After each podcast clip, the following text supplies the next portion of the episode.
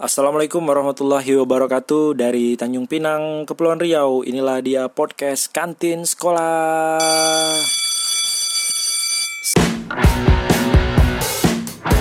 Mudahan teman-teman tidak lupa sama kita Karena udah hampir uh, udah udah lebih sebulan kayaknya uh, podcast kantin sekolah nggak pernah muncul lagi episode baru. Tapi kali ini kita hadir kembali dengan pembahasan-pembahasan seru, cerita-cerita dari teman-teman untuk kembali mengingat, kembali mengenang, kembali e, nostalgia tentang kejadian-kejadian waktu kita sekolah dulu. Jadi e, pada podcast kali ini kita mau bahas tentang e, guru killer. Pasti teman-teman semua udah bisa mengingat langsung siapa guru killer yang dulu pernah teman-teman jumpai waktu sekolah. Jadi uh, guru killer ini pasti ada di setiap sekolah. Nggak mungkin satu sekolah itu gurunya baik semua tak mungkin. Bahkan kayaknya di sekolah kayak TK atau PAUD aja juga ada gitu guru yang galak, guru yang agak killer gitu. Apalagi sekolah yang di atasnya kayak SD, SMP, SMA Nah, kita pengen cerita-cerita, kita pengen ngobrol-ngobrol, mengingat kembali tentang uh, pengalaman uh, teman-teman. Jadi kalau kita ingat-ingat teman-teman, guru-guru killer ini adalah guru-guru yang dalam hal mendidik itu dengan uh, kekerasan atau dengan banyak omelan. Jadi setiap dia mendidik itu pasti dengan omelan, kekerasan fisik. Jadi itu yang biasanya kita sebut guru killer. Dan guru killer ini biasanya adalah guru-guru yang selalu menegakkan kedisiplinan di sekolah. Atau juga biasanya guru-guru dengan mata pelajaran yang sulit dicerna sama otak. Nah, biasanya di sinilah poin-poin letaknya guru killer. Nah, kita bahas dulu yang pertama itu uh, guru yang selalu menegakkan kedisiplinan. Kalau seingat saya dulu, saya selalu punya guru killer dari mata pelajaran olahraga. Nah, biasanya beliau ini killer karena kita tidak disiplin. Jadi kalau kita disiplin itu kita kayak batu, nggak kelihatan sama beliau. Tapi kalau kita tidak disiplin itu kita kayak lampu kuning dari jauh aja udah nampak lampu tuh. Nah kayak gitu kalau guru killer yang fokusnya ke disiplin. Jadi pas saya SD saya ingat itu guru yang killer itu guru olahraga sama oh ya waktu itu ada juga guru matematika juga killer waktu saya SD. Mungkin teman-teman tuh nggak jauh beda atau mungkin ada yang e, mata pelajaran lain mungkin kayak IPS waktu SD-nya atau IPA atau mungkin guru bahasa Indonesia dan juga dulu tuh waktu saya SD guru saya itu satu guru itu bisa ngajar hampir semua mata pelajaran waktu SD dulu. Jadi guru kelas namanya, bukan guru mata pelajaran. Yang beda itu waktu saya SD itu cuma guru agama Islam sama guru olahraga. Selebihnya itu satu guru. Ibu itulah wali kelas kita dan yang ngajarin guru-guru yang ngajarin mata pelajaran selain agama sama olahraga. Nah, itu pernah satu kali saya dapat gurunya killer. Dan itu bukan guru wali kelas saya tapi uh, guru pengganti. Asli ibunya killer. Abis saya ingat itu ada teman saya waktu itu disuruh ngerjain matematika ke depan. Padahal anak itu baru maju teman saya itu. Tapi pas maju karena hampir setengah menit lah 30 detik kan cuma diam tiba-tiba tangan ibu tuh langsung nyubit ke telinga. Jewer lah ya jumbit telinga mana ada jewer jewer telinga teman saya itu. Nah, tak lama teman saya nulis salah, langsung kepala teman saya itu kena jita. Sampai saking kuatnya dia jita, jadi tangannya itu udah kena ke kepala teman saya, terus kepala teman saya yang depan itu nabrak terantuk ke papan tulis. Asli satu kelas diam, tak ada yang berani bergerak, tak ada yang bernapas saja kalau bisa di mute, di mute itu napas saking seremnya situasi mencekamnya situasi pada saat guru itu marah. Dan teman saya ini untungnya itu kuat mentalnya nggak sampai nangis. Kebetulan dia juga cowok. Jadi dia berapa menit gitu di depan kena ketok kena tepuk kena tempeleng dari belakang kena sekel kena jita pokoknya hampir semua siksaan fisik dia kena. Hingga akhirnya dia tetap nggak bisa ngerjain akhirnya dia disuruh duduk sama gurunya tetap dengan cara kekerasan disuruh duduknya. Nah itu satu. Terus kalau guru olahraga ini itu tadi guru kelas. Kalau guru olahraga biasanya tuh masalah kedisiplinan. Kayak baju buang sampah. Nih buang sampah nih paling paling penting nih waktu saya SD itu kalau ada yang buang sampah sembarangan itu habis sama guru olahraga. Terus juga kalau waktu SMP tuh guru olahraga saya paling sebel kalau ada siswa yang main poli tapi pakai kaki, ditendang-tendang bola voli. Itu dari jauh aja dia nampak, dikejar, dicari ke lokasi. Walaupun jauh sekolah saya waktu itu SMP luas, jarak dari majelis guru ke kelas itu mau setengah kiloan 500 meter itu tetap dikejar kalau dia nampak bola voli ditendang-tendang tak dipakai sebagaimana mestinya. Itu pasti dikejar. Terus juga saya waktu itu pernah gara-gara saat sekolah, padahal hari hujan itu pakai jaket, terus selisih jalan nih. Saya tuh nggak ada firasat apa-apa, saya pede aja gitu. Karena kan dari atas ke bawah kayak rapi semua, rambut rapi, kuku rapi, ya kan, tak ada yang aneh. Tapi kena juga, kena cubit waktu itu saya di lengan gara-gara pakai jaket. Jadi baju osisnya nggak kelihatan akhirnya baju osis disuruh buka pas saya buka saya lihat bekas cubitan ibu itu ada darah bekunya dua biji. Soalnya nyubitnya pakai kuku. Itu waktu itu saya nggak pernah lupa. Terus waktu SMA tuh saya juga pernah punya guru killer. Uh, guru killernya itu uh, udah ini udah deket mau pensiun. Dan ibu ini emang terkenal. Katanya satu kelas dulu pernah ngerasain heels atau hak sepatunya di kepala masing-masing siswanya. Jadi ada 42 siswa, 42 42-nya itu kena ketok pakai heels sepatu dia. Nggak tahu gara-gara apa, tapi yang jelas ibu ini kalau masuk di kelas, satu kelas itu pasti senyap, sepi, nggak ada pergerakan apa pun. Semuanya tertib. Yang yang bejat-bejat pun kayaknya nurut sama ibu itu. Nah, saya waktu itu pernah kena sama ibu yang bersangkutan ini. Waktu itu gara-gara baju saya keluar sebelah. Jadi kan baju kita itu ke meja. Nah, cuma keluar sebelah, nampak sama dia. Waktu itu saya kabur kan, nggak mau nggak mau datang pas dia panggil. Ternyata kata teman saya, ibu itu datang ke kelas-kelas, ngecek di mana siswa tadi yang bajunya keluar nggak mau dia panggil.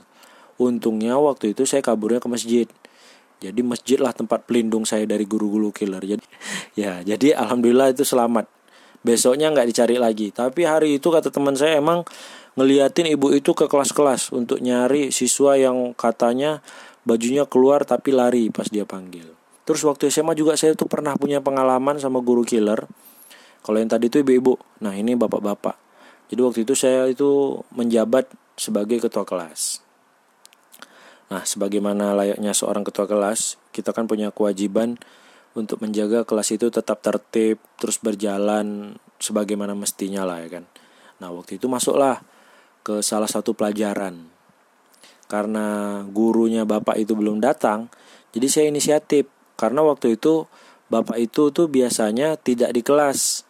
Kadang dia juga ngajak ke tempat studionya gitu. Jadi saya ini inisiatif lah sendiri pergi ke majelis saya nampak bapak itu lagi ngobrol di depan. Akhirnya saya datengin terus saya itu nanya ke bapak itu pak kita hari ini belajar di kelas atau ke studio? Tiba-tiba bapaknya langsung emosi langsung teriak-teriak. Lebih kurang tuh dia ngomong kayak gini hah? Kau nyuruh-nyuruh aku masuk kelas?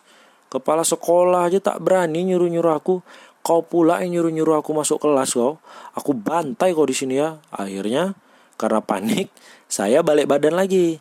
Kabur ke kelas tapi bapak itu emang udah nggak marah lagi. Pas saya balik ke kelas saya kasih tahu kan woi woi bapak marah woi.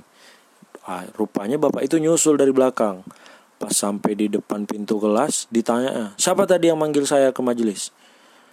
Akhirnya saya angkat tangan kan saya pak. Kau berani-berani pula kau ngatur-ngatur aku ya kepala sekolah aja tak berani nyuruh aku masuk kelas. Kau pula yang nyuruh nyuruh aku masuk kelas ha? Udah hebat kau ya? Aku putar kepala kau sampai mati kau nanti. Kayak gitu bapak tuh ngomelin saya di depan teman-teman. Ah tapi saya diem aja nunduk kan. Terus dia balik lagi ke majelis. Hari itu nggak masuk masuk dan memang bapak itu terkenal sadis.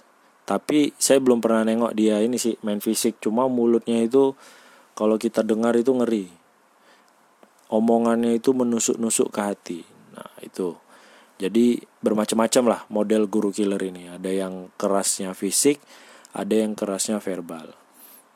Nah syukurnya ini kalau kita lihat di zaman sekarang inilah sejak tahun 2012 ke atas lah uh, fenomena guru killer ini udah nggak terlalu separah dulu. Karena udah ada KPAI udah ada uh, undang-undang perlindungan anak sehingga guru-guru yang seperti ini agak menciut karena ancaman pidana yang menunggu apabila terjadi hal-hal yang tidak diinginkan sama siswa kayak kita teman-teman tuh pasti sering dengar Ah, berita-berita entah di koran, entah di TV itu ada guru yang gara-gara uh, nyubit siswa, akhirnya gurunya dipidanakan. Terus difonis mungkin satu tahun penjara. Di satu sisi ada yang pro, ada yang kontra. Menurut orang-orang yang pro tuh pasti mikirnya, alah cuma dicubit aja. Kami dulu dibantai pakai rotan, akhirnya jadi orang sukses. Nah, itu mungkin di situ letak bedanya pendidikan zaman dulu dengan zaman sekarang. Mungkin zaman sekarang dengan perkembangan teknologi dan lain-lain sehingga perlulah ada revolusi pendidikan. Tapi saya tak berani ngobrol lebih jauh karena saya juga uh, nggak terlalu paham itu kira-kira uh, hukuman fisik itu tuh bagus nggak untuk mendidik.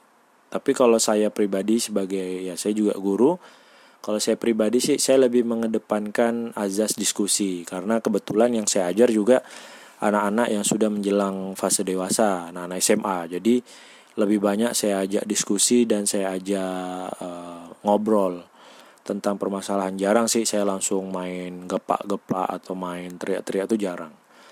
Nah itu kalau saya dan juga memang salah satu penyebabnya itu tadi kekhawatiran kami ini para guru dengan ancaman pidana yang bisa meng menjerat kami apabila terjadi hal yang tidak diinginkan.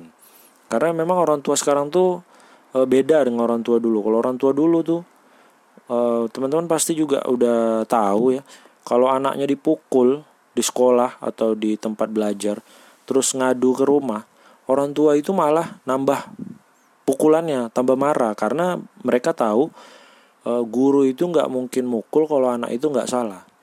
Nah beda sama sekarang. Kalau sekarang kalau nilai anaknya jelek aja itu itu bisa aja nyalain guru itu misalnya nih anak uh, pembagian rapot pas dilihat nilai anaknya jelek nah itu bisa datang ke sekolah terus marah-marah sama guru protes ini kenapa nilai anaknya jelek padahal anaknya juga yang kurang uh, aktif dan kurang total dalam belajar bahkan kadang orang tua juga ada yang cuek sama anaknya nggak diperhatikan proses belajarnya setiap pulang sekolah. Jadi ya itu macam-macam pro dan kontra. Kalau yang kontra itu pasti mikir iyalah e, kan mereka datang ke sekolah itu untuk belajar bukan untuk disiksa. Ya betul, tapi kan ada treatment-treatment yang perlu diterapkan oleh guru sehingga e, guru itu perlu ada e, shock terapi kepada siswa. Jadi kalau tapi kalau diikuti pendapat saya, saya ini kayaknya termasuk bagian yang pro. Tapi saya tetap menghargai kalau ada teman-teman yang kontra. Walaupun saya pro, tapi saya tak pernah main fisik. Nah itu pula informasi tambahan ya teman-teman ya. Terus juga, tapi kita ini nggak boleh menyangkal. Menyangkal apa? Walaupun guru killer ini waktu sekolah dibenci, nah, tapi begitu kita semua udah lulus, sudah tamat, yang paling pertama kita kangenin atau kita rindukan itu pasti guru killer misalnya reuni ini yang kita tanya pertama pasti eh ibu ini masih ngajar tak wah semua cerita-cerita seram yang terjadi pada masa lalu semua cerita-cerita sedih semua cerita-cerita yang kita takuti yang terjadi pada masa lalu tiba-tiba jadi cerita lucu di masa depan ya kan? Kita malah seru nyeritain kejadian-kejadian kita dengan si guru si guru killer tadi. Itu yang bikin guru killer itu spesial dan unik. Uh, selalu menjadi guru pertama yang diingat oleh kita saat kita udah lulus. Di situ pula mungkin uh, bedanya guru killer dengan guru-guru lain spesial gitu kan. Di antara guru lain selain guru killer guru yang paling kita ingat tuh guru yang kocak. Nah jadi 180 derajat nih guru yang kocak. Mungkin kita bakal bahas guru yang kocak itu di podcast kita selanjutnya. Uh, untuk kali ini kita fokus bahas ke guru killer aja jadi itu dua guru biasanya yang selalu diingat dan dikenang oleh kita nih para mantan-mantan siswa apabila sudah tamat. Nah, berhubung kita sedang ngobrolin guru killer nih saya ada beberapa cerita dan berita tentang guru killer. Yang pertama ada berita dari tribunjakarta.com. Ada berita yang menceritakan tentang guru killer. Headline-nya Guru Killer Idayanto. Pemukul siswa SMA negeri di Bekasi galak banget apa saja dilempar. Wah. Video aksi kekerasan yang dilakukan seorang guru terhadap siswa SMA negeri di kota Bekasi viral di media sosial. Di kalangan siswa, oknum guru tersebut dikenal sebagai guru killer yang banyak dibenci siswa karena kegalakannya. Memang sih waktu belajar benci, tapi udah tamat kayak tadi nanti pasti di ditanya-tanya itu guru killernya. Guru tersebut diketahui bernama Idayanto. Ia merupakan wakil kepala sekolah bidang kesiswaan. Nah, ini bidang kesiswaan ini emang tugasnya menjaga agar siswa itu tetap teratur dan disiplin. Nah, sebenarnya Pak Idayanto ini mungkin terbebani sama tanggung jawab. Dan juga Bapak Idayanto ini mengajar mata pelajaran geografi dan sosiologi. Uh, salah satu komentar siswanya bilang gini, Pak Ida memang terkenal galak. Dia kalau sama anak-anak sering dibilang guru, guru killer. Banyak yang takut sama dia. Kata seorang siswa laki-laki yang tak mau disebutkan namanya ya khawatir ya makanya nggak mau disebutin namanya. Dia menjelaskan sebagai guru Ideanto mengajarkan materi seperti kebanyakan guru pada umumnya. Tapi yang membedakan sang guru killer dengan guru lain adalah cara dia memarahi siswa yang kerap melakukan kekerasan. Dia kalau marah galak banget. Semua barang dilempar. Apa saja yang nampak di depan dia pasti dilempar. Oh. Tapi Pak Idayanto selalu memiliki alasan yang kuat. Seperti misalnya siswa terlambat atau berpakaian tidak sesuai aturan. Nah, kan berarti sama aja. Guru killer itu di mana-mana. Kalau tadi saya sebut ada yang killer karena mata pelajarannya susah, terus ada juga yang killer karena menegakkan kedisiplinan. Pak Idayanto ini termasuk guru killer dalam rangka menegakkan kedisiplinan. Tapi ada lagi nih komentar siswanya gurunya emang salah sih tapi kalau marah-marah pasti murid-murid yang punya salah misalnya telat pak atau pakaian atribut tidak sesuai.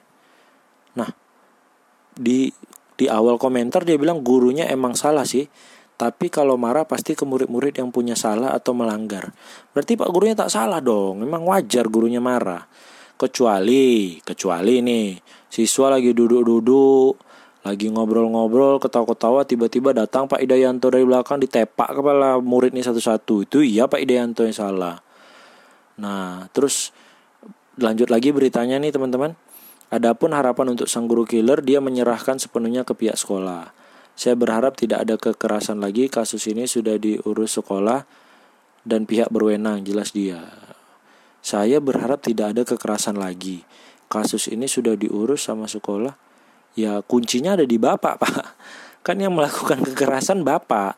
Jadi kalau bapak berharap tidak ada kekerasan lagi bapak sama aja berharap dengan diri bapak. Harusnya bisa ini jadi bapak ini terkenal gara-gara videonya itu viral saat dia memukuli siswa yang waktu itu terlambat datang ke sekolah di rekaman itu eh, terlihat beberapa siswa yang terlambat Lalu satu orang siswa laki-laki terlihat sedang dipukul oleh seorang guru. Mungkin teman-teman udah pernah nonton juga nih videonya nih. Jadi dia nampak tidak berdaya ketika berapa pukulan mendarat di badan hingga kepalanya. Wah, iya sih. Kalau mukul kepala juga saya tak setuju karena uh,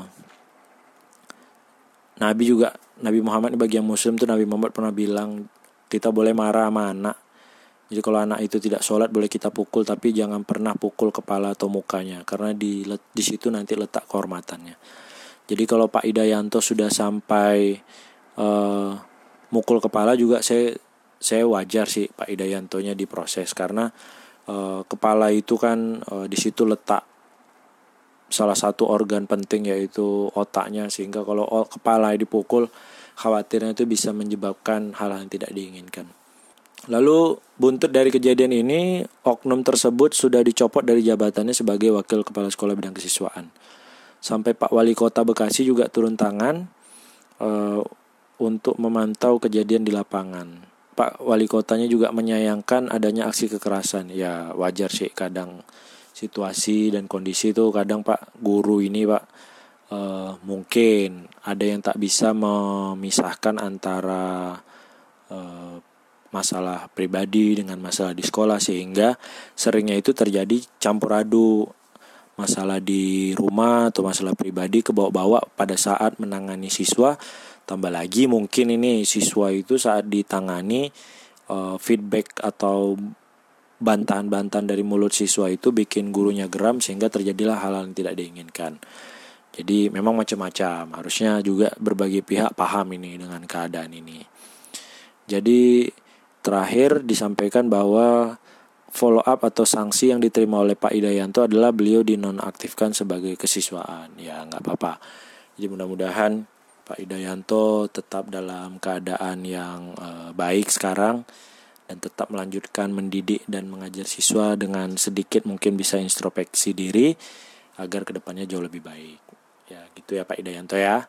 Jadi memang uh, itu tadi guru killer ini juga kadang kalau tak killer diinjak-injak siswa kadang terlalu killer juga jadi sorotan serba salah juga ada nih cerita dari salah satu teman podcast kantin sekolah yang bilang kalau guru killernya itu baik hati ini dari dia ngasih link link blognya dari Firman Bos ini guru killer yang baik hati. Jadi ceritanya begini. Semasa SMP saya bersekolah di SMP Metode 1 Hang Tua Medan yang berjarak hanya beberapa ratus meter dari rumahku. Setiap hari saya berjalan kaki pergi dan pulang sekolah. Kadang sendirian, namun tidak jarang berangkat bersama teman-teman atau bersama kakak dan adik. Di sekolah ini ada seorang guru yang terkenal killer dan tidak bisa diajak kompromi untuk masalah nilai pelajaran. Nah, ini saya potong bentar nih. Kalau tadi itu Pak Idayanto eh, guru yang killer dalam menegakkan kedisiplinan. Kayaknya cerita yang berikut ini adalah guru yang killer dalam memberikan pelajaran. Kita lanjut. Kami semua memanggilnya Bapak Jigong. Bapak Jigong, ya benar Bapak Jigong namanya. Guru berkacamata tebal dan mengajar mata pelajaran fisika. Nah kan bener lagi kan. Memang guru-guru killer ini biasanya berasal dari mata pelajaran yang susah-susah emang. Ya itu tadi, kalau tadi mungkin bisa terbebani sama masalah pribadi, mungkin guru yang killer karena ngajar mata pelajaran susah ini terbebani sama beban mata pelajarannya. Kita lanjut. Penyebutan Bapak Jigong sudah berlangsung turun-temurun sejak beliau mengajar di sini. Alasannya karena beliau selalu tanpa sadar sering mencipratkan air liur ketika sedang berbicara. Oh, ini yang duduk di deret 1 2 ini sudah hafal kayaknya ya sama uh, substansi isi dari air liur Bapak Jigong ini karena pasti paling sering kena. Beberapa teman sering kali terkena cipratan liurnya dan satu lagi aroma yang sesuatu banget dari mulut beliau atau bau jigungnya akan terhirup oleh murid yang berada di dekatnya. Untuk urusan nyontek-menyontek jangan harap para murid bisa melakukannya. Mengapa? Karena ketika hendak mulai ujian, semua tas dikumpulkan ke depan. Standar ini ya teman-teman ya. Kemudian beliau akan mengosongkan satu meja di belakang kelas. Tujuannya supaya beliau dapat duduk di kursi yang diletakkan di atas meja sambil mengawasi proses ujian. Tujuannya supaya beliau dapat duduk di kursi yang diletakkan di atas meja sambil mengawasi proses ujian. Jadi Pak Jigong duduk di atas meja pakai kursi. Luar biasa ya Pak Jigong ini ya. Detail orangnya ini. Ketika ujian sedang berlangsung, beliau sering sekali melompat dari satu meja ke meja lain sambil memegang setumpuk kapur tulis.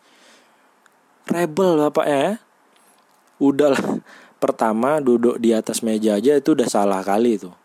Ini ketika ujian sedang berlangsung, beliau sering sekali melompat dari satu meja ke meja lain sambil memegang setumpuk kapur tulis. Saya kasih aplaus ya untuk Pak Jigong. Akrobatik sekali Bapak sebagai guru fisika, Pak. Beliau selalu mengingatkan kami, jika sampai tiga kali bertatapan mata dengan matanya, akan segera dikeluarkan dari kelas. Oh, ini ini medan kali nih, tak boleh lihat-lihatan mata nih. Kalau nampak-nampak mata tak senang gitu kan. Jika ada murid yang mencoba-coba bertingkah aneh, sebuah lemparan kapur tulis akan tepat mengenai kepala murid tersebut.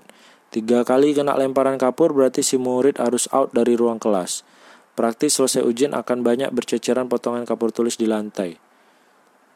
Guru lain yang masuk setelah beliau akan maklum dengan kekotoran lantai ini. Yang membuat saya salut dengan beliau adalah kemampuannya untuk mendikte kalimat yang panjang-panjang, maupun bejibun rumus fisika tanpa sekalipun mengintip buku. Beliau jarang sekali membawa buku ke dalam kelas. Nah, bener kan? Kayaknya bapak ini terbebani sama ilmu yang ada di kepala dia sehingga pengaruhnya jadi killer dia di kelas nih soal mata pelajaran. Karena belajar fisika itu ribet lebih ribet dari matematika. Kita lanjut. Bahkan saya merasa semua materi di buku pelajaran fisika sudah lengket di kepalanya.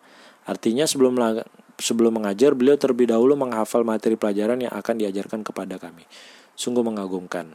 Untuk urusan nilai saya juga selalu dengan pola beliau memberi nilai dengan cara menyediakan 12 sampai 13 soal ujian.